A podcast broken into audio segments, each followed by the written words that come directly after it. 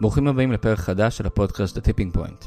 האורח שלי בפרק הזה הוא אלון מטס, היזם של BetterHelp, הפלטפורמה המובילה בארצות הברית לקבלת תמיכה נפשית אונליין, אשר נרכשה על ידי תלדוח ב-2015. אלון התחיל את הקריירה שלו ביחידת ממר"ם, עבר תפילת אש עם פיצוץ בועטה דוט קום, וב-2008 פתח את החברה הראשונה שלו.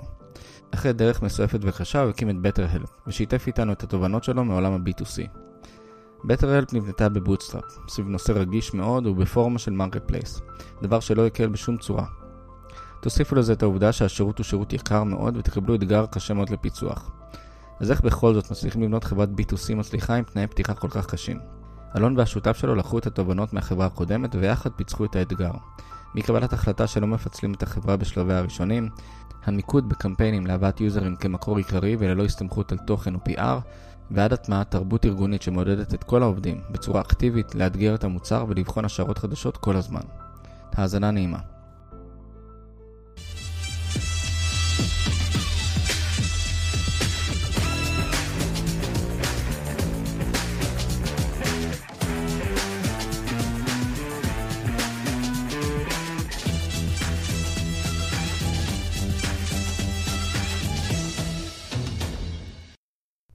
שלום אלון, שלום, שלום. מה נשמע? בסדר גמור, תודה על האירוח. בכיף, אני תפסתי אותך כמעט בירידה מהמטוס. משהו כזה. טוב, אני ממש שמח שאתה פה. אה, אני מרגיש שהבאתי מארצות הברית הרחוקה מומחה B2C, כי, כי אנחנו עדיין בחיתולנו ככה, למי, ש, למי שמסתכל מבחוץ, אולי מבפנים אנחנו עוד כבר לא בחיתולנו. אה, אז אני שמח מאוד שאתה פה, שמח גם אם תציג את עצמך קצת למאזינים, למי שפחות uh, מכיר, כי, כי בכל זאת אתה באת כל הדרך מהבעלי. בכיף. Uh, טוב, אז טיפה היסטוריה, התחלתי את דרכי המקצועית uh, בצבא, בצבא, לא ב-8200, אלא דווקא במומרם. נכנסתי בשנת 2000 לתוך uh, בועת הדוט קום בשיאה. Uh, הייתי בסטארט-אפ שעלה ונפל במהירות שיא. היה, היה כיף, היה מעניין, היה מרתק, והרבה שיעורים על uh, מה לא יקרה עוד יותר לעולם. uh, לאחר מכן uh, הקמתי יחד עם גיסי את אתר חבר'ה, למי שזוכר. וואו. Uh, כן, פעם, פעם. uh, גם היה כיף, היה יותר כיף. ולאחר מכן התחלתי לפעול בכמה מיזמי קונסיומר באינטרנט. אחד מהם זה אתר הממוריאלס, אתר ההנצחה, שהפך לאתר הגדול בעולם. בגדול אפשר לך להקים אתר לזכר a loved one that passed away במודל תשלום. Um, מכרנו אותו בסוף uh, לחברה, לחברה בריטית שהצליחה להרוס אותו. כמו כל, כמעט כמו, כמו הרבה, כן, כמו הרבה, כמו הרבה acquisitions. ולאחר מכן, באות, באותו אתר השתמשנו הרבה מאוד ב-paid media ובצורות שונות שבדיעבד קראו להם אדטק.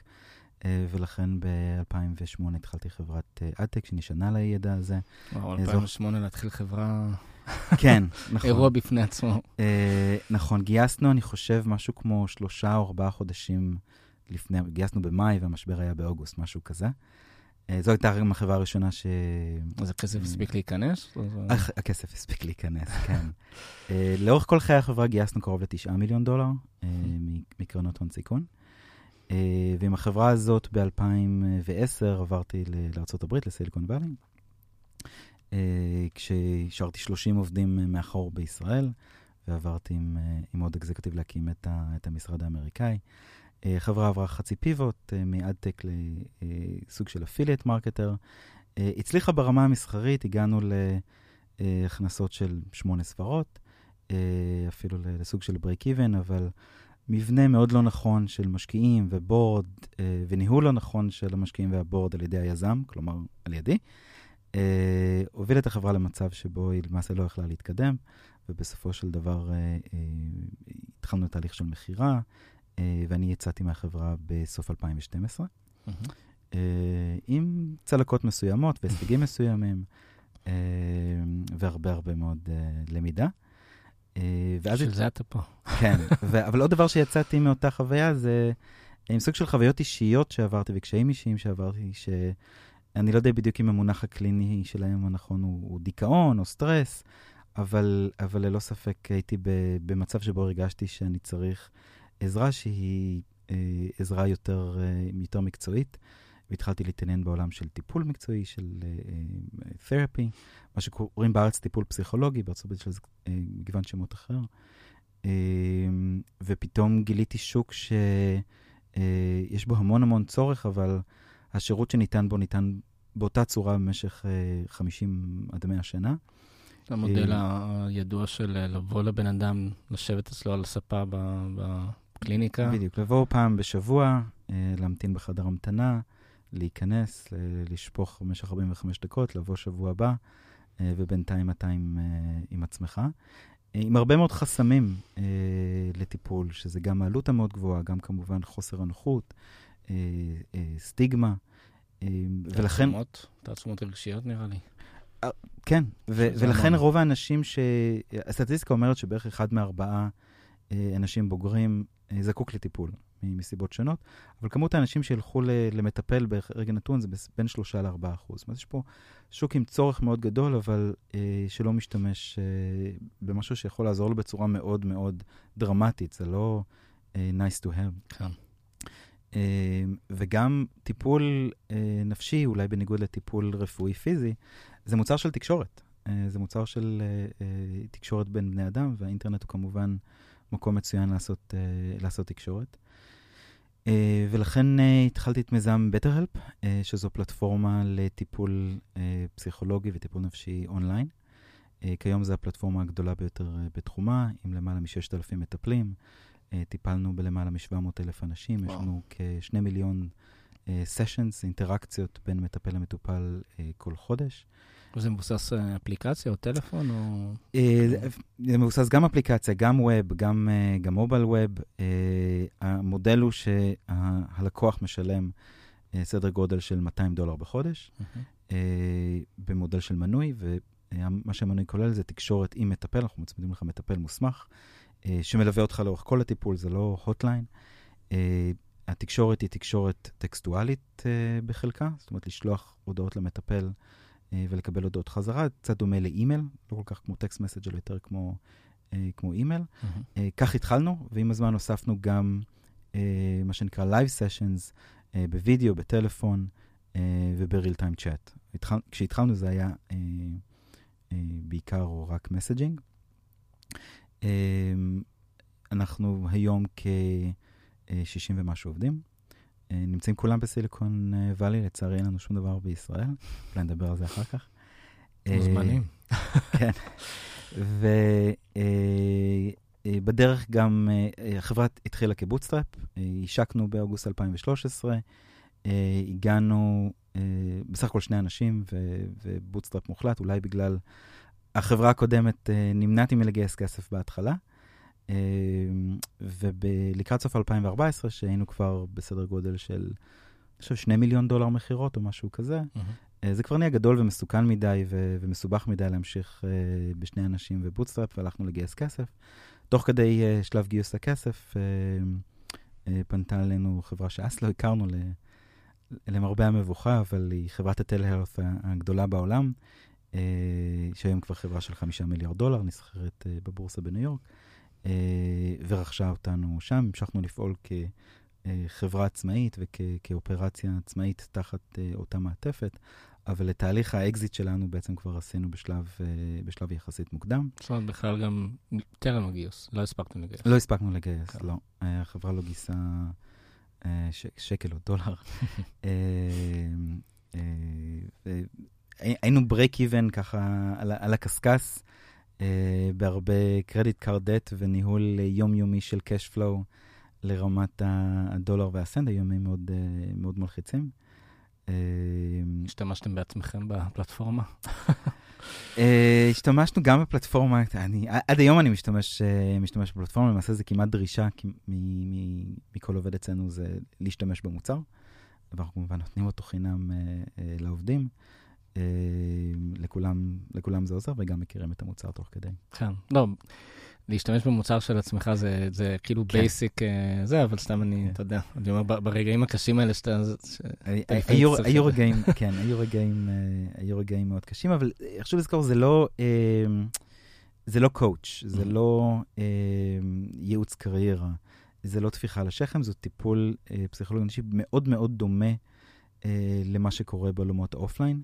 גם התוצאות שלו דומות למה שקורה בעולמות ה offline, וזה דברים שנחקרו, אה, היה לנו מחקר אה, יחסית גדול של אה, שתי אוניברסיטאות. אה, ה-usage patterns אה, גם כן דומים לעולמות- ה offline. זאת אומרת, אה, והמטפלים שלנו הם אותם מטפלים שגם רואים אנשים על הספה באופן, אה, באופן הרגיל. אה, אנחנו לא ניסינו אה, to innovate or disrupt את עולם ה therapy, לא ניסינו לייצר AI, לא ניסינו לייצר בוטים, לא ניסינו לייצר מודלים חדשים של טיפול ודברים אוטומטיים ודברים מורכבים. אה, אנחנו סוג של marketplace, והטיפול הוא טיפול אה, מאוד מאוד סטנדרטי, בשיטות הסטנדרטיות, בדרכים הסטנדרטיות. ה disruption שעשינו הוא method, אה, ואולי קצת ב business model. אבל אנחנו לא מתערבים בטיפול עצמו, שהוא טיפול מאוד כן. דומה ל-tried and true science, אה, שנמצא עשרות שנים. כן, שמע, גם אה, מעבר לזה שזו התעסקות אה, אה, מאוד מעמיקה בעולם של B2C, גם להקים marketplace בעולם של B2C זה, זה וואחד אירוע. demand משני צדדים, לדעת להפגיש אותם בצורה טובה. יש בו, יש בו אתגר לא פשוט בכלל. נכון, למרות ש... משתמשים ב marketplace בצורה נורא קלילה, ויש כל כך הרבה גוונים וצבעים אה, ב marketplace. אנחנו במובן מסוים marketplace קל, אה, מ- מהרבה סיבות. קודם כל, הוא לא לוקאלי.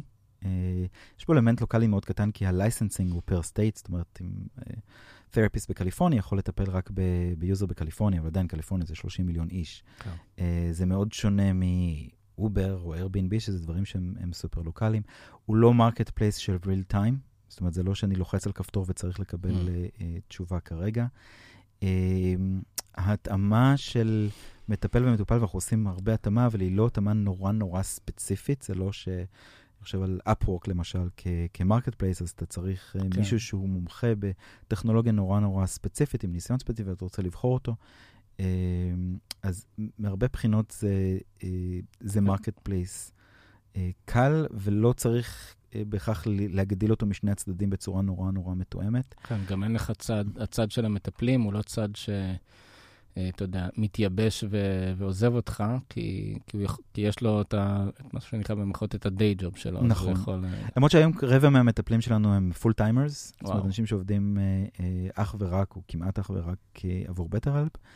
אה, אבל אה, נכון, באופן כללי, אה, תמיד מדברים על מה הצד שיותר אה, קל ויותר קשה להשיג. אני אומר, הלוואי וכל דבר, אה, כל דבר היה קל לנו, כמו שקל לנו להשיג מטפלים. יש לנו waiting list ו-backlog של מאות אלפי מטפלים שרוצים להצטרף. לא השקענו שום דבר בשיווק למטפלים, אנחנו מאוד ידועים בתעשייה כב- כהמקור המרכזי של הכנסה למטפלים אה, אונליין, אה, ואנחנו מאוד visibleיים. ה-challenge מבחינתנו תמיד היה ונשאר אה, להשיג יוזרים ו- ולהגדיל את ה- את ה-member base, אה, ולא כל כך בצד, ה- בצד ה-supply.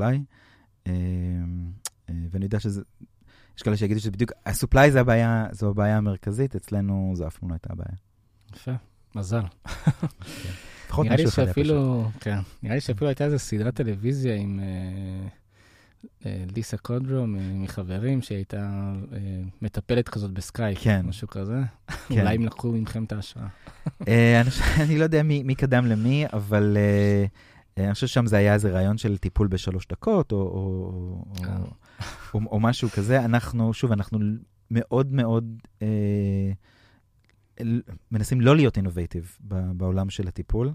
ויש המון המון סטארט-אפים שצמחו, וחלקם גייסו המון המון כסף, ושרפו את הכסף, אה, על לנסות אה, לעשות דברים נורא חכמים בטיפול, ואיך אנחנו נבטל את המטפל ונעשה artificial intelligence אה, bot ודברים מהסוג הזה. אנחנו שמרנו את זה מאוד סטנדרטי, מאוד traditional, לעשות את המפגש ולעשות את ה-communication בתוך הפלטפורמה. זה, זו לא פלטפורמה, חשוב להדגיש שזו לא פלטפורמה שעושה מאצ'ינג, זה לא שאנחנו מחברים אתכם למטפל ומכאן והלאה אה, אה, סעו לדרך, אלא כל התהליך הטיפולי נמצא גם הוא בתוך הפלטפורמה, מנוהל על ידה, אה, כמובן כל מה שקשור בסקיוריטי וה-facilitation של ה-communication והבילינג, הכל מבוצע על בסיס הפלטפורמה ובתוך הפלטפורמה. Uh, טוב, שמע, שמע מעניין uh, בטירוף. אני, אני לא יכול לראות את המערכת, אבל, אבל גם נשמע שמן הסתם למדתם המון על, על, uh, גם על הנושא הזה של באמת market uh, place, mm-hmm. ובכלל uh, B2C, ואיך אתה פונה בכלל לשוק, mm-hmm. לק, לקהל הרחב עם נושא כל כך רגיש, ו, וגם, אתה יודע, בסוף נתקעה איפשהו האנושות על מודל כזה של להיפגש אחד על אחד, ופתאום אתם מציעים איזושהי... אה, צורה אחרת לעשות את זה. אה, בכלל, גם להתחיל מעולם של messaging למשהו שאתה, אתה יודע, רגיל, אה, נראה לי, לדבר, ושתוך כדי יענו לך, ו- וגם לשמוע את הטון שלך באיך שאתה מציג את הדברים. זה... עשיתם פה איזושהי כברת דרך, נראה לי, משמעותית. זה, זה פושבק שקיבלנו בהתחלה לא מעט, כשהתחלנו עם מסג'ינג, והרבה אנשים אמרו, רגע, למה... אבל מה שאנשים ירצו באמת זה וידאו, כי הווידאו זה הרבה יותר uh, פשוט, ומה שאני... אה, הייתי אומר לאנשים, אה, אם יש לכם אייפון, בטח יש לכם פייסטיים, מתי בפעם האחרונה השתמשתם בפייסטיים? לעומת זאת, כמה, כמה messages שלחתם היום? אני חושב שאנחנו כ, כחברה עברנו, מרגישים היום הרבה יותר נוח עם תקשורת אה, טקסטואלית, כולל תקשורת שהיא כן. מאוד, מאוד עמוקה. כמובן שזה הרבה יותר נוח, כי זה in your own time, היכולת לעשות uh, reflection, היכולת לא להיות מוגבל uh, uh, למקום וזמן uh, מסוים. אני זוכר ש... אה, אני הייתי בטיפול זוגי לפני אה, עשור כמעט, והיינו באים ביום שלישי בשש וחצי בערב, ונגמר בשבע וחצי, ובמדרגות אתה נזכר בדברים נורא חשובים שרצית להגיד, אה, אבל אין לך... אין לך למי להגיד אותם, כן. ואם קרה משהו ביום רביעי, אז תחכה ליום שלישי הבא. אני חושב שהמודל הזה של אה, להיפגש פעם בשבוע, אה, הרבה מאוד מטפלים, אה, כמובן שדיברנו עם, עם מטפלים על הרעיון, אז תשעה מתוך עשרה שנאו אותו, אבל הרבה מה, מה, מה, מהסיבות שהם הסבירו למה המודל הנוכחי נכון והמודל שלנו לא נכון, נשמעו לי כמו רציונליזציה למודל שצמח מתוך נוחות. זאת אומרת, לא הייתה אפשרות למטפלים לעשות משהו באופן מתמשך למשהו, כי, כי אתה לא יכול לארגן את זה אחרת, אתה צריך, אה, בשביל לארגן את חיי המטפל, זה חייב להיות סשן שבועי, זה לא יכול להיות שום דבר אחר, עד שאתה לא מכניס אה, אפשרויות חדשות כמו, אה, כמו אונליין למודל הזה. נשמע, נשמע לי כמו תירוצים למה המודל ש, שהצמחנו במשך 50 שנה הוא המודל הנכון, אה, ולאו דווקא משהו שבאמת נחקר קליני. אל מול uh, מודלים אחרים, וגם אתגרתי אותם uh, uh, למצוא את המקומות שבהם מודלים אחרים נחקרו. לאורך השנים, ככל שקיבלנו יותר ויותר פידבק על, על מודל ה-messaging, הבנו שהוא גם מודל נכון, אבל רק כשהתחילו המחקרים האקדמיים על מה שאנחנו עושים, שעשו ולידציה, זה, כבר הייתה לנו את הגושפנקה הקלינית והמקצועית, אה, להגיד שהמודל הזה עובד ומביא תוצאות שמאוד אה, מקבילות למה שקורה בעולם ה-offline. אה, למרות שעם הזמן הוספנו את ה-Live Sessions, הטלפון והווידאו וה-real time chat, מעניין לראות שהרבה מאוד מהמשתמשים, למעלה מחציים, למרות האפשרות להשתמש בווידאו וטלפון וסשנס שהם ב-real time, אה, בוחרים שלא לעשות את זה. וזה לא קשור לפרייסינג, כי התשלום אצלנו הוא תשלום חודשי קבוע, לא משנה כמה אתה משתמש אה, במטפל ובשירות, אה, אבל הבחירה שלהם היא להתמקד אה, בתקשורת הטקסטואלית. יפה. אה, עבודת ריסרצ' נראה לי סופר מעניינת גם, אה, כאילו איך שאתה מתאר אותה על התשעה מתוך עשרה אומרים לך שהם לא, לא, לא בעד הרעיון הזה, ו, ובכל זאת אתה כן מצליח למצוא את ה... אה, את המקום שזה כן יתאים להם, אה, שזה תמיד, אה, אתה יודע, תהליך מעניין לראות איך אנשים אומרים לא, ולאט לאט מחליפים את התשובה שלהם לכן. ואני רוצה שכן באמת נתחיל קצת, אתה יודע, גם לצלול לעומק הזה של, של B2C.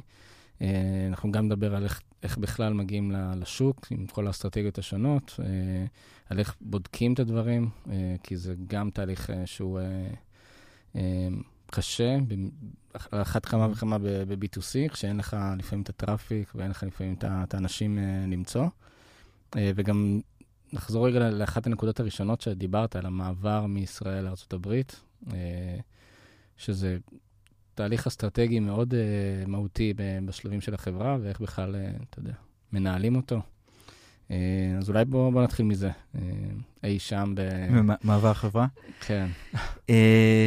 כן, אני, אני אגיד כמה דברים שאולי uh, יהיו קצת uh, controversialיים, כי אני יודע שהרבה מאוד יזמים הקלאסיקה זה להתחיל את החברה בישראל, לגדול קצת, לגייס כסף, ואז ההחלטה היא שצריך, המנכ"ל צריך לעבור לאיפה שהשוק נמצא, ואז המנכ"ל עובר ונהיית חברה מפוצלת. לפני שאני אגיד את דעתי בנושא, אני חייב להדגיש שכל מה שאני אומר הוא בא מהזווית של B2C, והדברים האלה יכולים להיות מאוד לא נכונים אה, ל-B2B או, או מודלים של Enterprise. אה, אני באופן כללי חושב ש-B2C ו-B2B זה קצת מאדים ונוגה. אה, ויש יש יותר דברים שהם מתאימים לאחת מהדיסציפלינות ולא לשנייה, מאשר דברים שמתאימים אה, לשתיהן. אז זה קוויית מאוד מאוד חשוב, אה, כי אני חושב שההבדלים הם, הם מאוד גדולים. אה, בגדול אני אגיד שחברת B2C, אסור לה להיות חברה מפוצלת. או כמו שאני קראתי לנו, ואני עשיתי את זה ב-2010, אמרתי שאנחנו חברה נכה. אה, בגלל הפיצול. וגם נכים יכולים אה, להתקדם ו, אה, וללכת, אבל כשכולם רצים, אז אה, להיות חברה נכה זו, זו יכולה להיות אה, בעיה קרדינלית. והיה לי את כל התנאים להצליח, היו 30 אנשים בישראל שכמעט אה, את כולם גייסתי. היה לי פה VP R&D שהפך ל-site manager, שעבד איתי המון שנים, והיה לנו קשר כמעט טלפתי, אה, וידענו בדיוק אה, מה כל אחד רוצה בכל רגע נתון, אה, ובאמת היו לי את, את כל התנאים להצליח, ובכל זאת לדעתי נכשלתי mm-hmm. במעבר הזה, וזה אחד הדברים שמאוד מאוד עיכבו את החברה.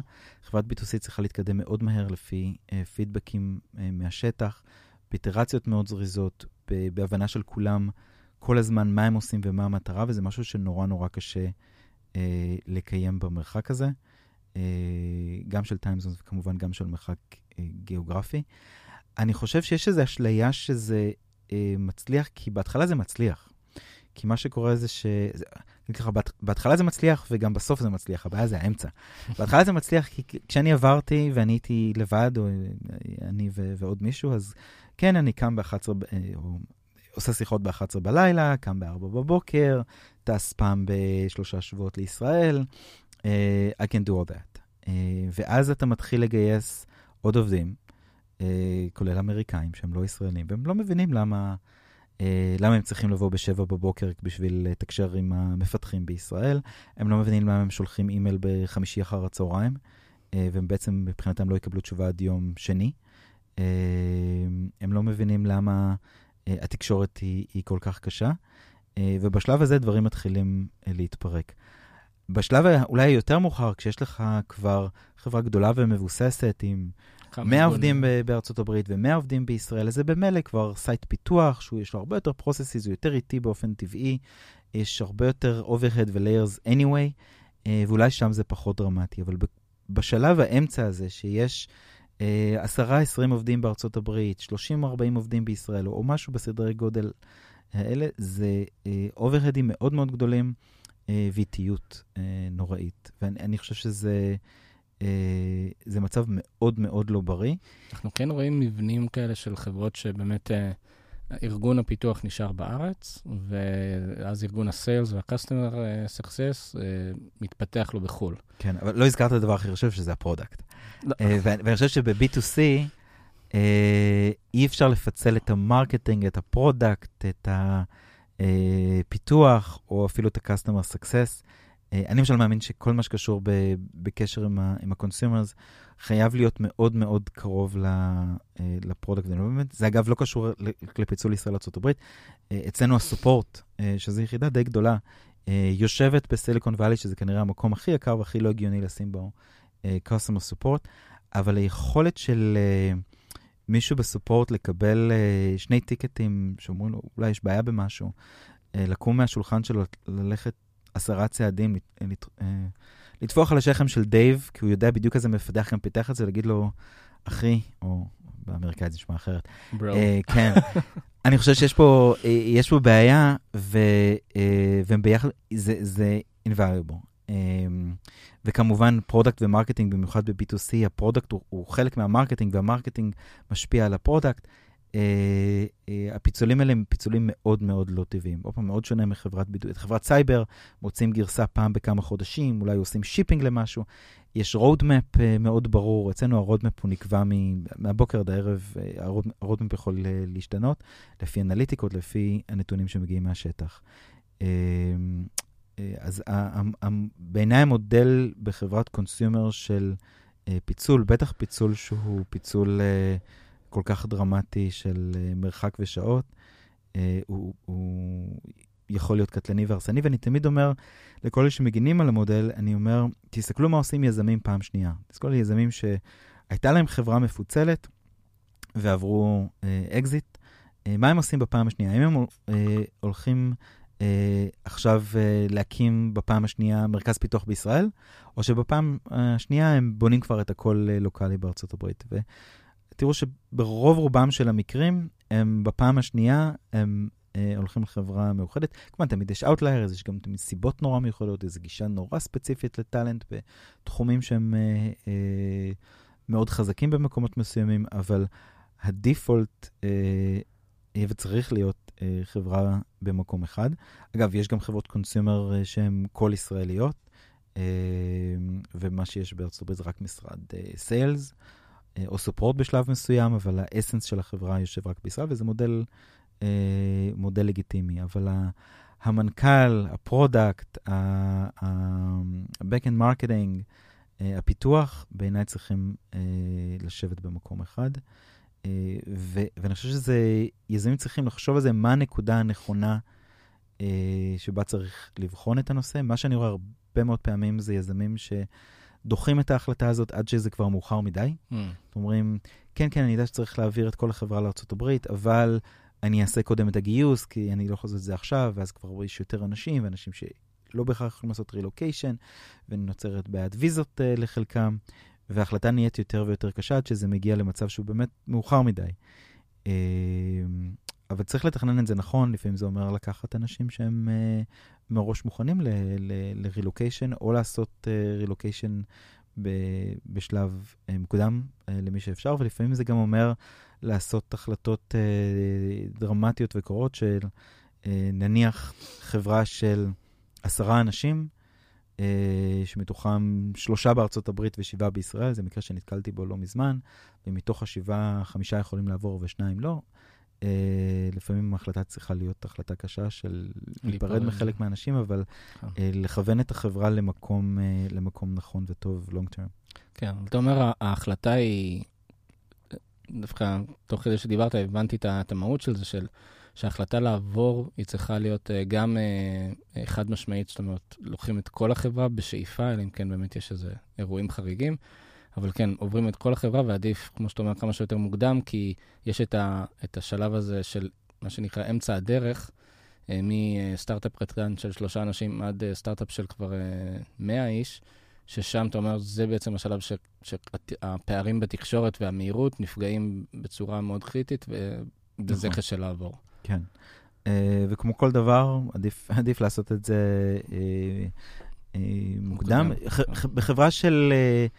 אה, והרבה פעמים אני רואה את המעברים שבו המנכ"ל עובר בחברה של עשרה אנשים, ואני, האם זה נכון שרק המנכ"ל יעבור, או שזה השלב לחשוב האם כל החברה כן. אה, צריכה לעבור, ואיך בונים את הדבר הזה ללונג טרם?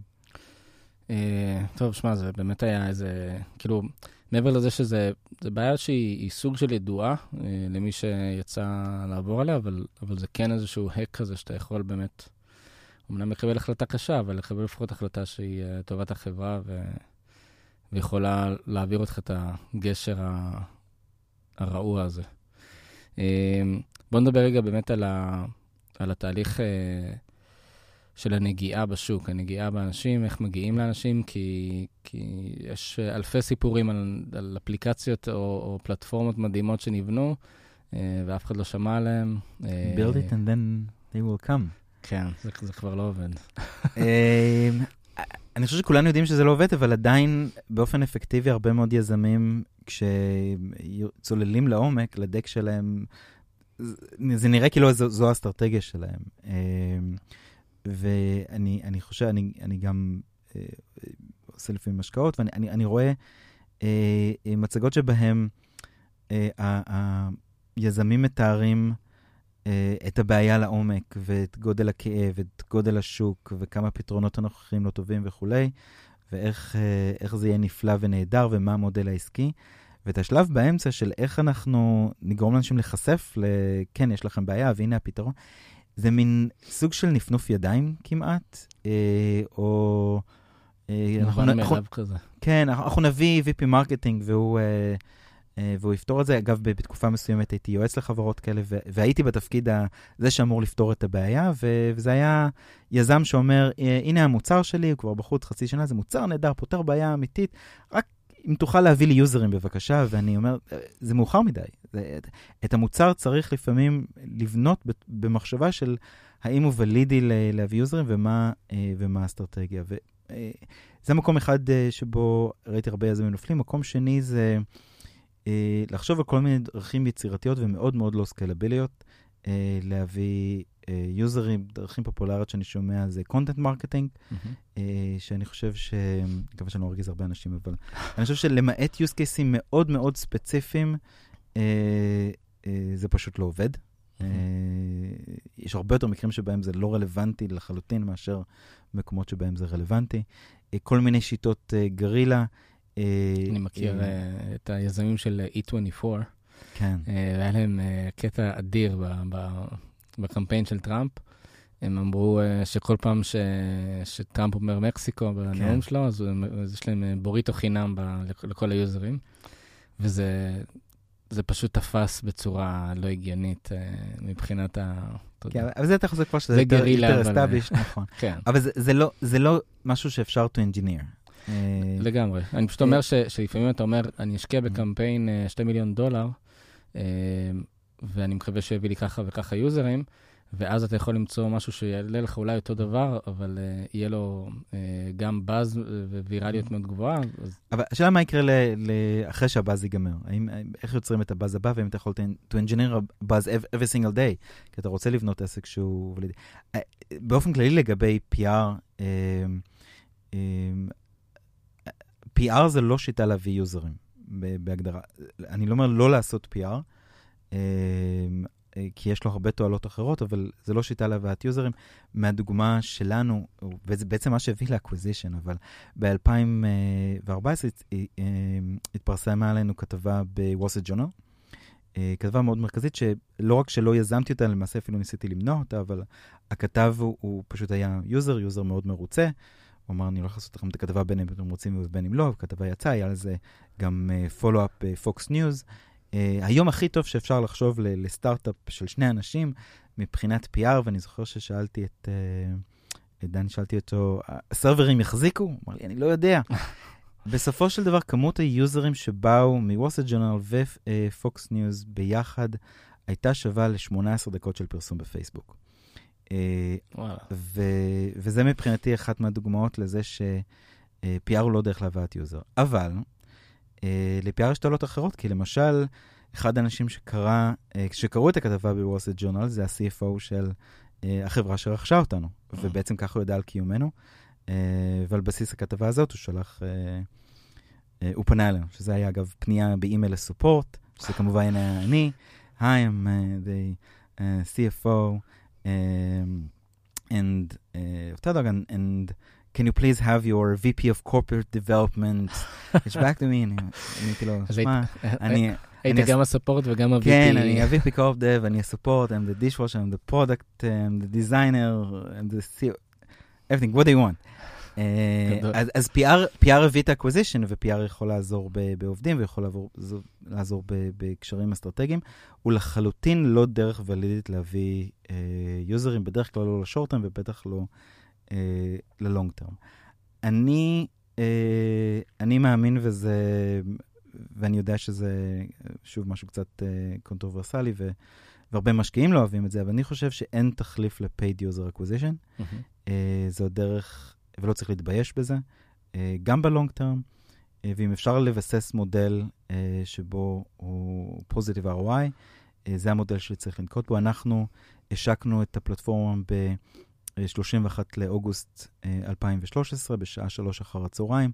הקמפיינים עלו בשלוש ורבע, ובשלוש וחצי גייסנו את הכרטיס אשראי הראשון. ובעיניי זאת צריכה להיות הדרך, בטח בשלבים המוקדמים. כאשר מגיעים לכל מיני שיטות יצירתיות וגרילה marketing ו content marketing, אה, ונפיץ בפורומים ונעשה וכ... זה המקומות שבהם אה, נראה לי שזה הולך לדברים שהם לא, לא scalable־יים, לא... that you can't engineer.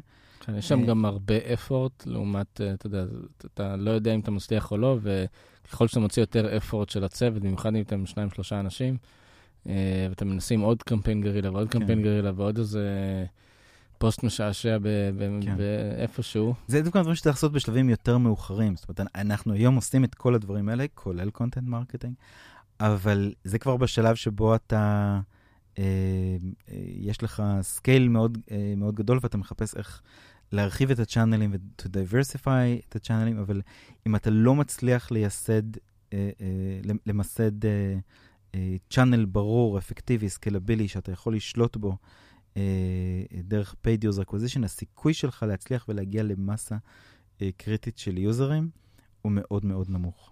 עכשיו, אני, אני חייב אה, כן, אה, כן אה, להתעכב על איזושהי נקודה של ה content marketing. כי היום אנחנו רואים המון חברות שהולכות לתחום הזה, אה, בין אם זה B2B ו-B2C, אה, משקיעות המון כסף בדבר הזה, אה, ואתה אומר שזה בעצם, אה, אני לא רוצה להיכנס במילים שלך, אבל אתה אומר שזה לא אפקטיבי כמו אה, אה, קמפיינים אה, ממוקדים אה, ב- ברשתות חברתיות. כרגיל זה, זה תלוי ב, באיזה ורטיקל. אני חושב שפה צריך להבדיל בין ורטיקלים של אינטרסט uh, לוורטיקלים שהם לא אינטרסט. אני אתן uh, אולי דוגמה. Uh, אם אנחנו מסתכלים על uh, חברה נניח כמו איטורו, uh, אז eToro פונה לאנשים שהם משקיעים בטבעם, שהם בדרך כלל גם מתעניינים בעולמות האלה. Uh, וברור שהם uh, יחקרו את הנושא והם יהיו מנויים ל newsletters וילכו לאתרים. ולכן זה מאוד רלוונטי לחברות כאלה לעשות content marketing. BetterHelp, לעומת זאת, מטפלת באנשים, איזון של אנשים עם דיכאון, חרדה וסטרס. זה לא אנשים שמתעניינים בזה. זאת אומרת, אם Mhm. יש לך, יש לך בעיה, אתה לא הולך ו... קורא על אה, סוגי דיכאונות. כן, יש, יש לך בעיה.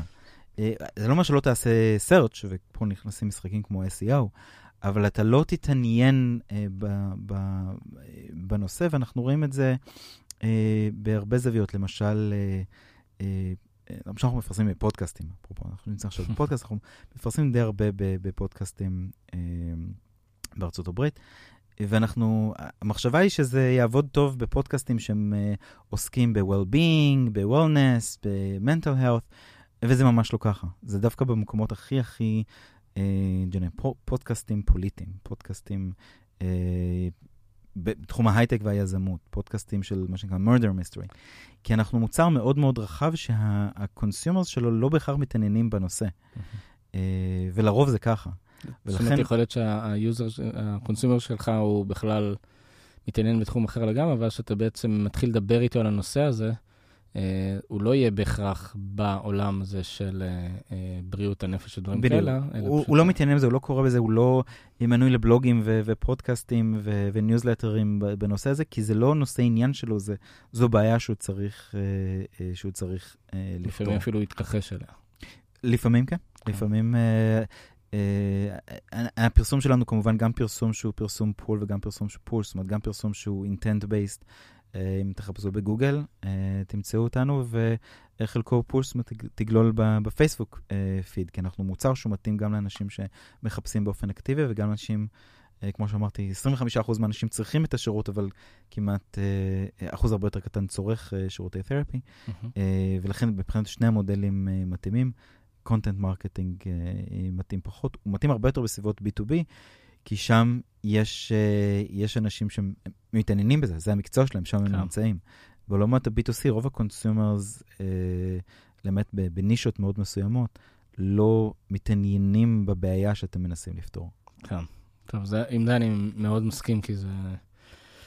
במיוחד אה, בתחום שלכם, ש, שאתה רואה את, הבן, את האנשים שלפעמים אפילו מתרחקים משם, כי הם, אה, מה שנקרא, לא רוצים לדעת שיש להם בעיה.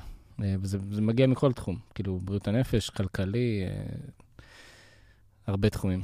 אה, בוא נדבר רגע על, על ה... אתה יודע, בעולם ה-B2C החשיבות והיכולת שלך בתור חברה לעשות ניסויים, היא בסוף קריטית ל... ל כאילו זה do, do or die כזה. כולם אומרים שזה קריטי, אבל זה קצת כמו מזג האוויר, זאת אומרת, מדברים על זה, אבל, אבל רמת ה execution שאני רואה, שואל יזמים, אתם עושים A-B testing, בטח, בטח עושים A-B testing, ואז אתה צולל קצת יותר פנימה, ואתה מבין ש... שכן, נתנו ל Optimizely או לגוגל Site Optimizer לבדוק שני צבעים של כפתור, והנה עשינו A-B testing. אני חושב שזה הרבה יותר עמוק והרבה יותר רציני מזה, וזה הכל שאלה של גישה. ובאופן כללי אני חושב שיש את ההיבריס הזה של אה, אנחנו יודעים מה היוזרים רוצים, ונעשה focus groups, אה, נגדיר פרסונות, שזה, אה, אני יודע שזה, דיבר כמה פעמים בפודקאסט על פרסונות, אני באופן אישי לא אוהב את, את המושג של פרסונות, אני חושב שזה חלק מההיבריס הזה, שאפשר לבנות פרסונה של מי היוזר ו, ומה הוא רוצה ולהגדיר אותו.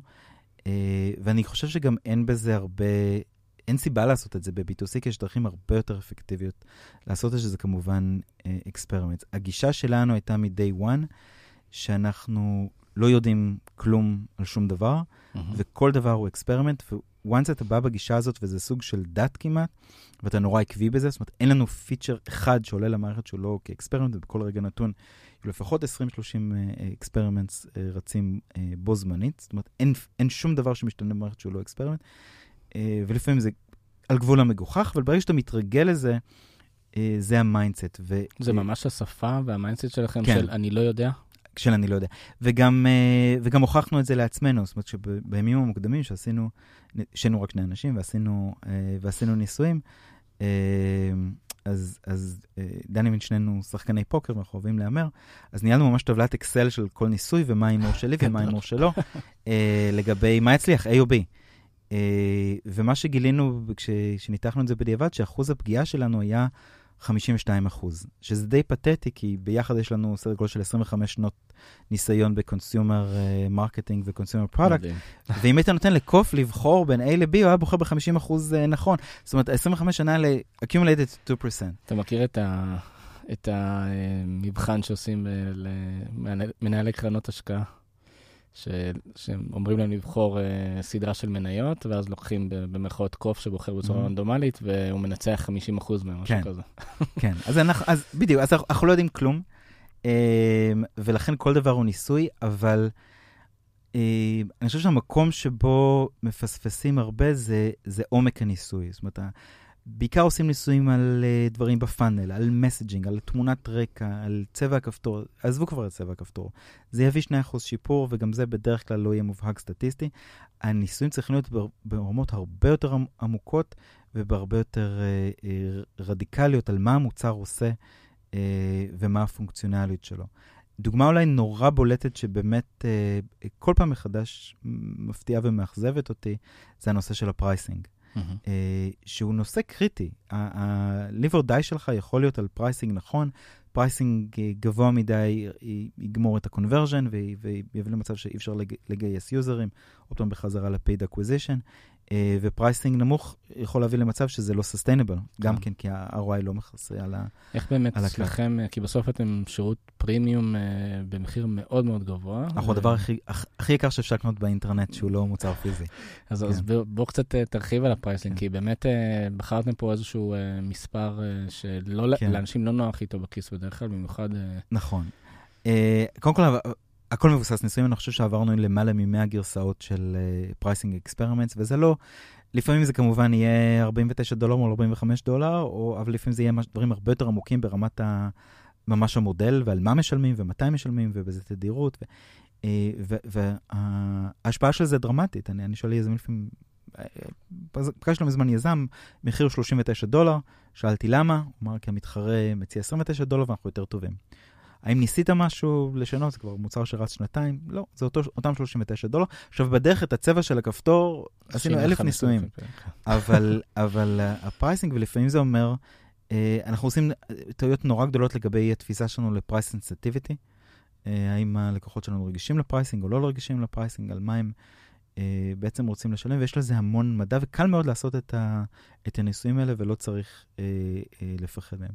אנחנו ספציפית לגבי pricing, אה, במקום קצת ייחודי, כי אנחנו בשירות שאנשים מכירים מאוד מעולמות offline, הם יודעים בדיוק, או יש להם מושג די טוב כמה זה עולה ב offline, מהמם. ולכן יש אה, מספר עוגן מאוד ברור, אה, וגם כשאנחנו אומרים אה, 200 דולר לחודש, לפעמים אפילו יותר, אה, זה עדיין a good deal compared to the, um, to the alternative they know.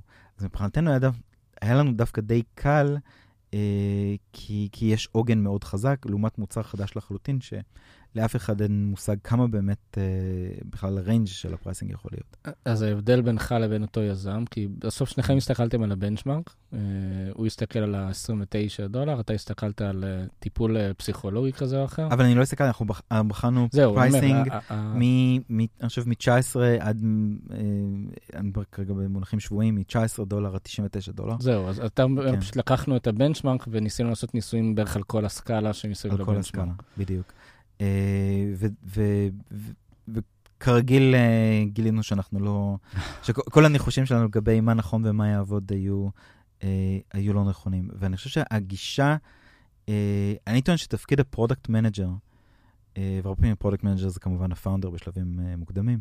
בחברת B2C, זה לבוא עם תיאוריות לא מטומטמות ולדעת איך לבחון אותן. התפקיד שלו זה לא לנחש אה, או לשער מה, מה יוזרים ירצו, אלא פשוט לבוא עם תיאוריות ולנסות אותן, אה, ולפתח יכולת, וזה כבר לא רק product, אלא גם engineering צריך להיות on board, לפתח יכולת לזרוק, אה, to throw things at the wall, אה, מאוד מאוד מהר, ולהיות גם מאוד diligent ו-ruthless בלבחון אותם ב, באמת בצורה מאוד נקייה ואובייקטיבית, כי הרבה פעמים מה שקורה עם experiment, זה מנסים להוכיח את התיאוריה, וכשמנסים להוכיח בכוח כן. את התיאוריה, אתה תוכיח אותה אתה- בסוף, כן, אבל אתה אתה תשבור כל כך תאנוס את. הנתונים ו- ובסוף אה, תגלה.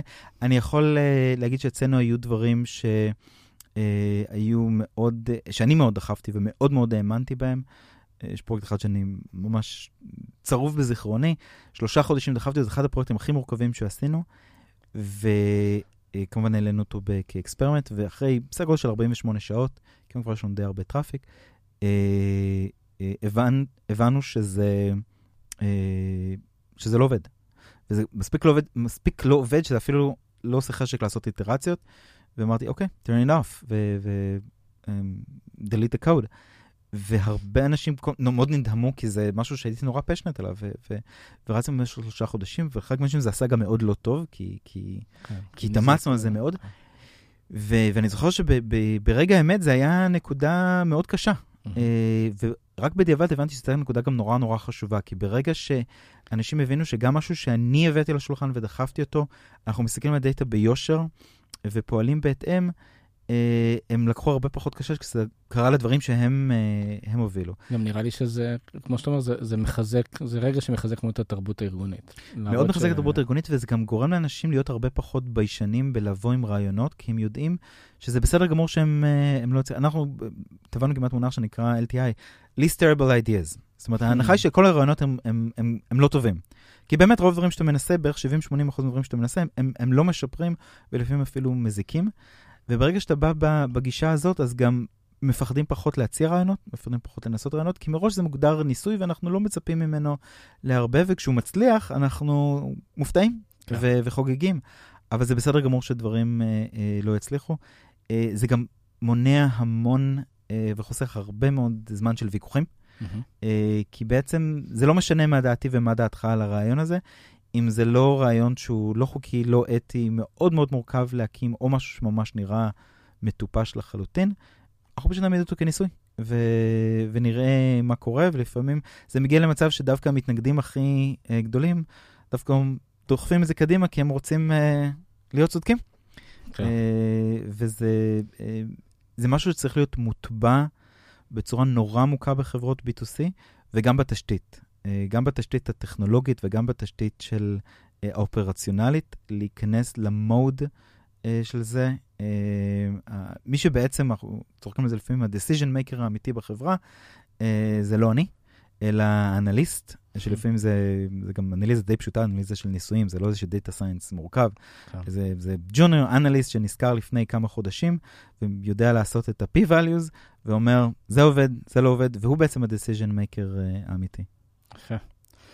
אה, מאוד מעניין בכלל כל ה... אתה יודע, נתת לנו קצת הצצה לתרבות הארגונית שלכם, אז זה, בכלל משהו ש... במיוחד בתחום הזה של ניסויים הוא מאוד חשוב, כי זה לשים את האגו בצד, וכל אחד זורק את הרעיון שלו, זה... אנחנו רואים את זה שזה לא קורה אה, בהרבה חברות, אה, לצערי. יש גם דרכים לאלץ את זה. אנחנו באיזשהו גודל מסוים כן שמנו לב שלא אה, מספיק רעיונות מגיעים שלא מתוך ה product. זאת אומרת שה product חייבים לבוא עם רעיונות, אחרת they don't have a job. כן. אבל, אבל אנשים שהם ב support, או engineering, או אופרציה, או לא, לא מביאים מספיק רעיונות. ובשלב אמרנו, כדי להכניס את זה מחדש, להזריק את זה מחדש, עשינו טקס ממש, זה טקס דו-שבועי, שבו כל השמות מוכנסים ב sticky notes לתוך כובע, זה כובע נורא נורא פיזי, זה נורא אולטק או no-tech, אה, ומישהו, בדרך כלל אני, או יכול להיות מישהו אחר, שולף שני פתקים מהכובע עם שתי, שני שמות, ושני אנשים שנבחרו באקראי צריכים אה, שבועיים אחר כך, ב sprint meeting, אה, להציג כל אחד מהם לפחות שני רעיונות ל product. אה, וזה גם הופך את זה כמובן ללגיטימי, אבל זה גם מאלץ אנשים mm-hmm. לחשוב על ה product, וזה מאותת שה product הוא, לא, הוא לא עניין של אנשי ה product, כי כולנו, בעולמות ה consumer, כולנו consumers, כולנו אה, יכולים לבוא עם רעיונות, ובאמת הרעיונות, חלק מהרעיונות הטובים ביותר, או מוצלחים ביותר, לא באו בכלל אה, מאנשי ה product. כן, יפה. אה, בגדול, יש איזשהו נושא אחד ש, שאני רוצה לדבר עליו, כי הזכרת אותו אה, אה, בפתיח, ו, ואמרת שבאמת עשית איזשהו shift בתזת היזמות שלך, נקרא לזה, שבשלב הראשון, בחברה הראשונה, אה, כן הלכת לגיוס מאוד מוקדם והכול, ובשלב השני החלטת לוותר על זה. אה, אני מניח שהיה אילוצים לפה ולשם, אבל, אבל מה היה הדבר העיקרי והשינוי העיקרי שגרם לך... לקבל את ההחלטה הזאת, כי, כן. כי כמו שאמרת, זו החלטה שכמעט גרמה לכם uh, כן. להתעסק. To bootstrap or not to bootstrap. כן. דווקא בתור מי שעשה bootstrap, וזה אפילו הצליח, אני לא בהכרח advocate של, אה, של bootstrap. אני חושב ש bootstrap זה נהדר אם, אם חושבים שאפשר להמשיך עם ה bootstrap הזה for a very long time, אה, אולי עד הסוף, ואולי עד שלב של growth. אה, אבל אם בכל מקרה התוכנית היא, היא לגייס בשלב מסוים, בשלב מוקדם, אין הרבה יתרון בלקחת את הסיכון, שהוא סיכון די גדול בבוסאפ ואת האיטיות בבוסאפ, כי זה לא משנה אם, אם אה, יהיה פריסיד מוקדם או פריסיד מאוחר, לא מבחינת האחוזים, לא מבחינת השליטה. אומרת, אם הכיוון הוא לגייס בשלב מוקדם, אז בשלב הכי מוקדם שאפשרי. היום גם הסביבת גיוס... אה, אה, אני לא יודע אם זה יישאר עד שהפודקאסט אה, יושמע, כי, כי, כי יש ציפיות שלא, אבל, אבל היום סביבת הגיוס אה, היא, היא, היא מאוד נוחה, היא מאוד, בריאה, היא, היא מאוד בריאה. ואם אפשר לגייס עכשיו, אין טעם לדחות את זה חצי שנה ולהגיד אני אהיה במצב יותר טוב, ואני אגייס בשווי יותר גבוה. ו... אין, אין, אין סיבה לעבור את המסלול הדי מאיים הזה והדי מפחיד וכמובן האיטי יותר. יש חברות שיותר מתאים להם להיות bootstrap ולפעמים אפשר להגיד אולי אפשר לסחוב את זה bootstrap אה, לאורך זמן, אה, אבל אין סיבה לסכן את הכסף אה, של עצמך, אה, בהנחה ש bootstrap כמעט תמיד הוא לא fully bootstrap, זאת אומרת הם לא משלמים משכורת ו... וכן פתאום אתה מוצא את עצמך אה, מושך מה... מחשבונות הבנק. אמ, ואם אפשר לעשות את זה with other people money, למה לא? כן. טוב, אלון, אה, עברנו פה על מלא נושאים, אה, והיה סופר מלמד. אה, מרגישים מה שנקרא את הקביעות ואת ה... מאיפה הדברים האלה מגיעים. זהו, המון המון תודה. תודה רבה. תודה רבה שהאזנתם לפרק. שתפו עם חברים, תעשו subscribe ונתראה בפרק הבא.